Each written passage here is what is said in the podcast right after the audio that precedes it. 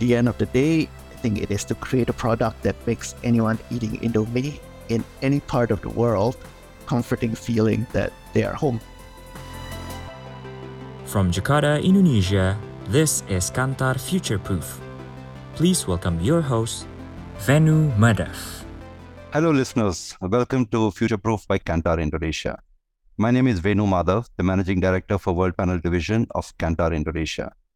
Today, we have a really special guest from one of the leading brands in Indonesia, Pak Axton Salim, Director and Chief Marketing Officer of Indofood. Thank you, Pak Axton, for joining us today. Thank you so much for the invitation. And I'm really excited to be here. Great, great. So we, we, we're going to, in the next uh, 15 minutes, uh, have a short session with Pak Axton. We have a few questions for him and to understand about Indofoods and Indomie. So let's go ahead straight into it. Uh, Pak Axton, before, for the sake of our audience, it would be great if you could tell us a, a bit more about your role at Indofood. Uh, my role in the company, I do believe that I'm an unofficial lifetime brand ambassador of Indofood. Yes. Uh, non-paid, but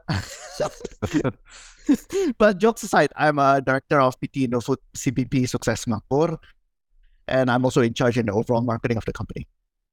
Great, great. Now let's talk about one of your most popular brands, Indomie. And Indomie is almost a, uh, uh, a daily household brand of an Indonesian household. And I believe this year, Indomie is celebrating its 50th anniversary. What a great occasion. And how, how does Indomie plan to commemorate this incredible milestone of being a leading brand of Indonesia for five decades?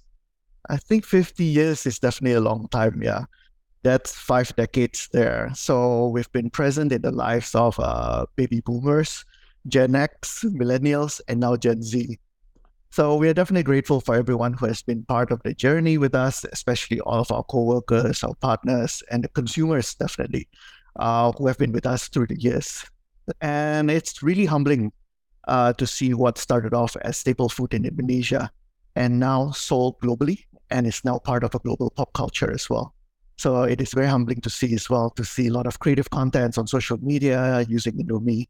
And uh, for us, I think to commemorate, we will continue to ignite the flavor of Indonesia uh, through various fun activities throughout the year, and of course, engaging various uh, communities. Uh, so, Pak Axton, uh, what does it mean for Indomie as a brand? So, the brand having lived through meaningful uh, milestones, spanning several generations, and as a brand that is consumed by different generations, we have to stay consistent to our consumers who have been loyal to us from the beginning. But we also have to be relevant for the youth of the future. So, using Indonesia as an example, I think Gen Z and millennials represent about 50% of the Indonesian's population. We need to understand how this generation is changing.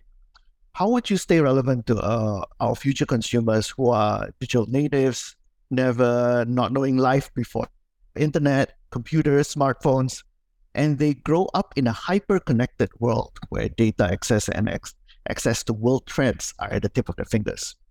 So each generation will always have different needs and values that they that needs to be respected from a marketing point of view and how when we are reaching out to them. Um, there cannot be a better example of this than how many digital adaptations uh, were, were made during the pandemic in the last few months. Yeah. So the way we interact with one another, business supply chains, value chains that were disrupted. Uh, I think uh, for years before this, I think digital solutions for meetings, work, connectivity, logistics, entertainment are all available. But yet the velocity of adaptation has been much faster in the past few months. So with this, data is going to play and will play an important part in helping to us to understand how we can stay close to the hearts of our consumers. So that's uh, what it means for the brand. I agree, and, and I think the last two years have been you know accelerated a lot of things that probably would have taken us five, ten years. But if things had been normal, but in the last two years they've accelerated, and, and we are uh, where we are now.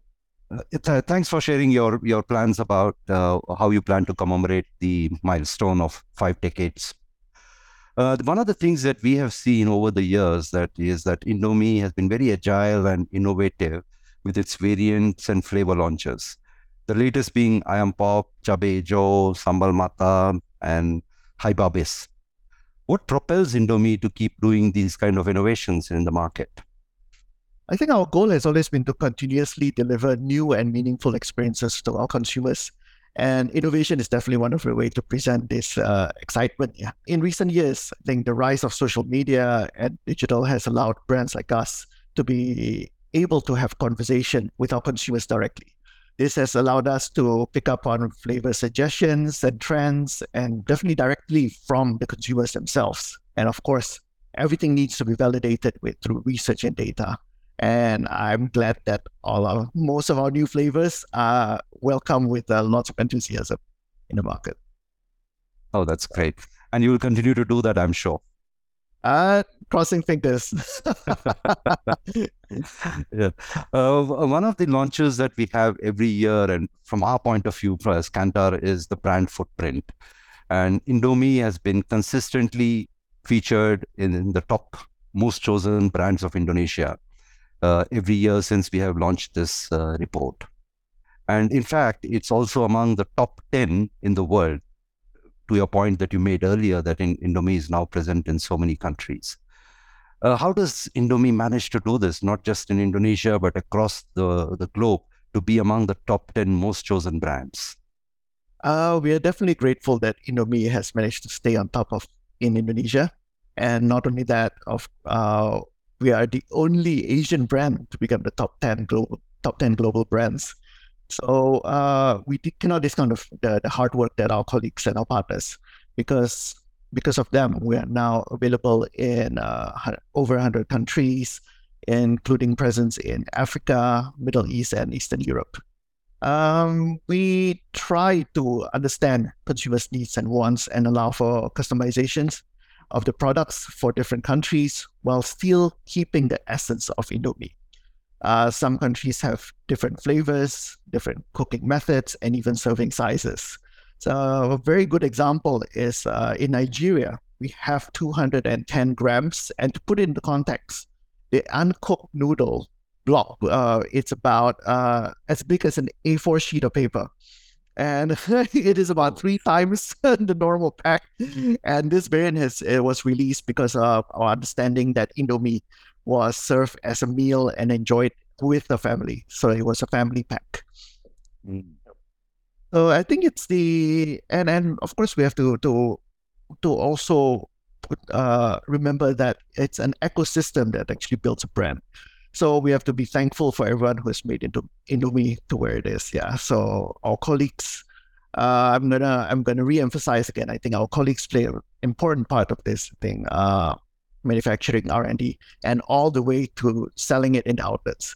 Yeah, we are also very grateful for the network of Warung Indomies, which in Indonesia it's called Warung Indos. So I think we're very grateful for them as well, and the stalls globally that are selling our noodles. I think this has helped the customers to enjoy the noodles while they themselves have created successful businesses in the process as well. So uh, I have to say that these are some of the reasons that have kept us going. So that's great. And in fact, just to add to that, I think Indomie is definitely the pride of Indonesia. And, oh, thank you. and and it's a good point you made, Pak Axton, about you know it's it's not about just a brand, but it's a full ecosystem that that yep. that Indomie has created and is successfully nurturing through the years. And that brings me to my last question. I mean, so we have seen 50 years of eh, Indomie in Indonesia, and of course there is a lot of competition coming to the market. So, what would be the future proof initiatives that Indomie will undertake to continue to stay ahead, not just in Indonesia, but also other parts of the world? For me, I think I'm always inspired when I get personal messages of people's experience uh, with Indomie.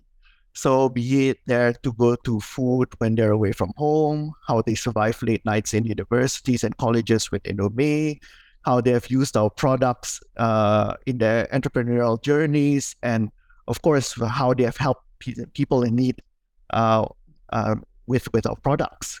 So for us, being future proof actually means not only to stay relevant with consumers, but to also stay close to the consumers' hearts.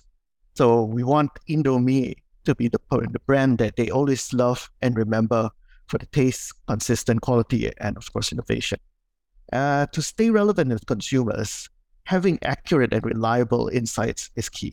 This is why we work together with you guys, Kantar, you know, to get continuous feedback from consumers and to stay in consumers' hearts and minds. And innovations should not only be about the product, but innovations can come about in communications, how we can be creative, meaningful in our campaigns, and innovations through our supply chain, value chains of our business as well. And in the end of the day, I think it is to create a product that makes anyone eating Indomie in any part of the world uh, comforting feeling that they are home.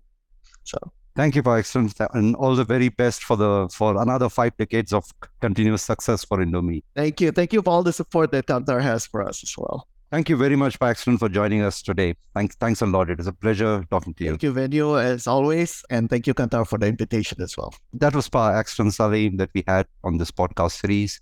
I hope you enjoyed the session. Thank you. Here's Venu here signing off. Bye.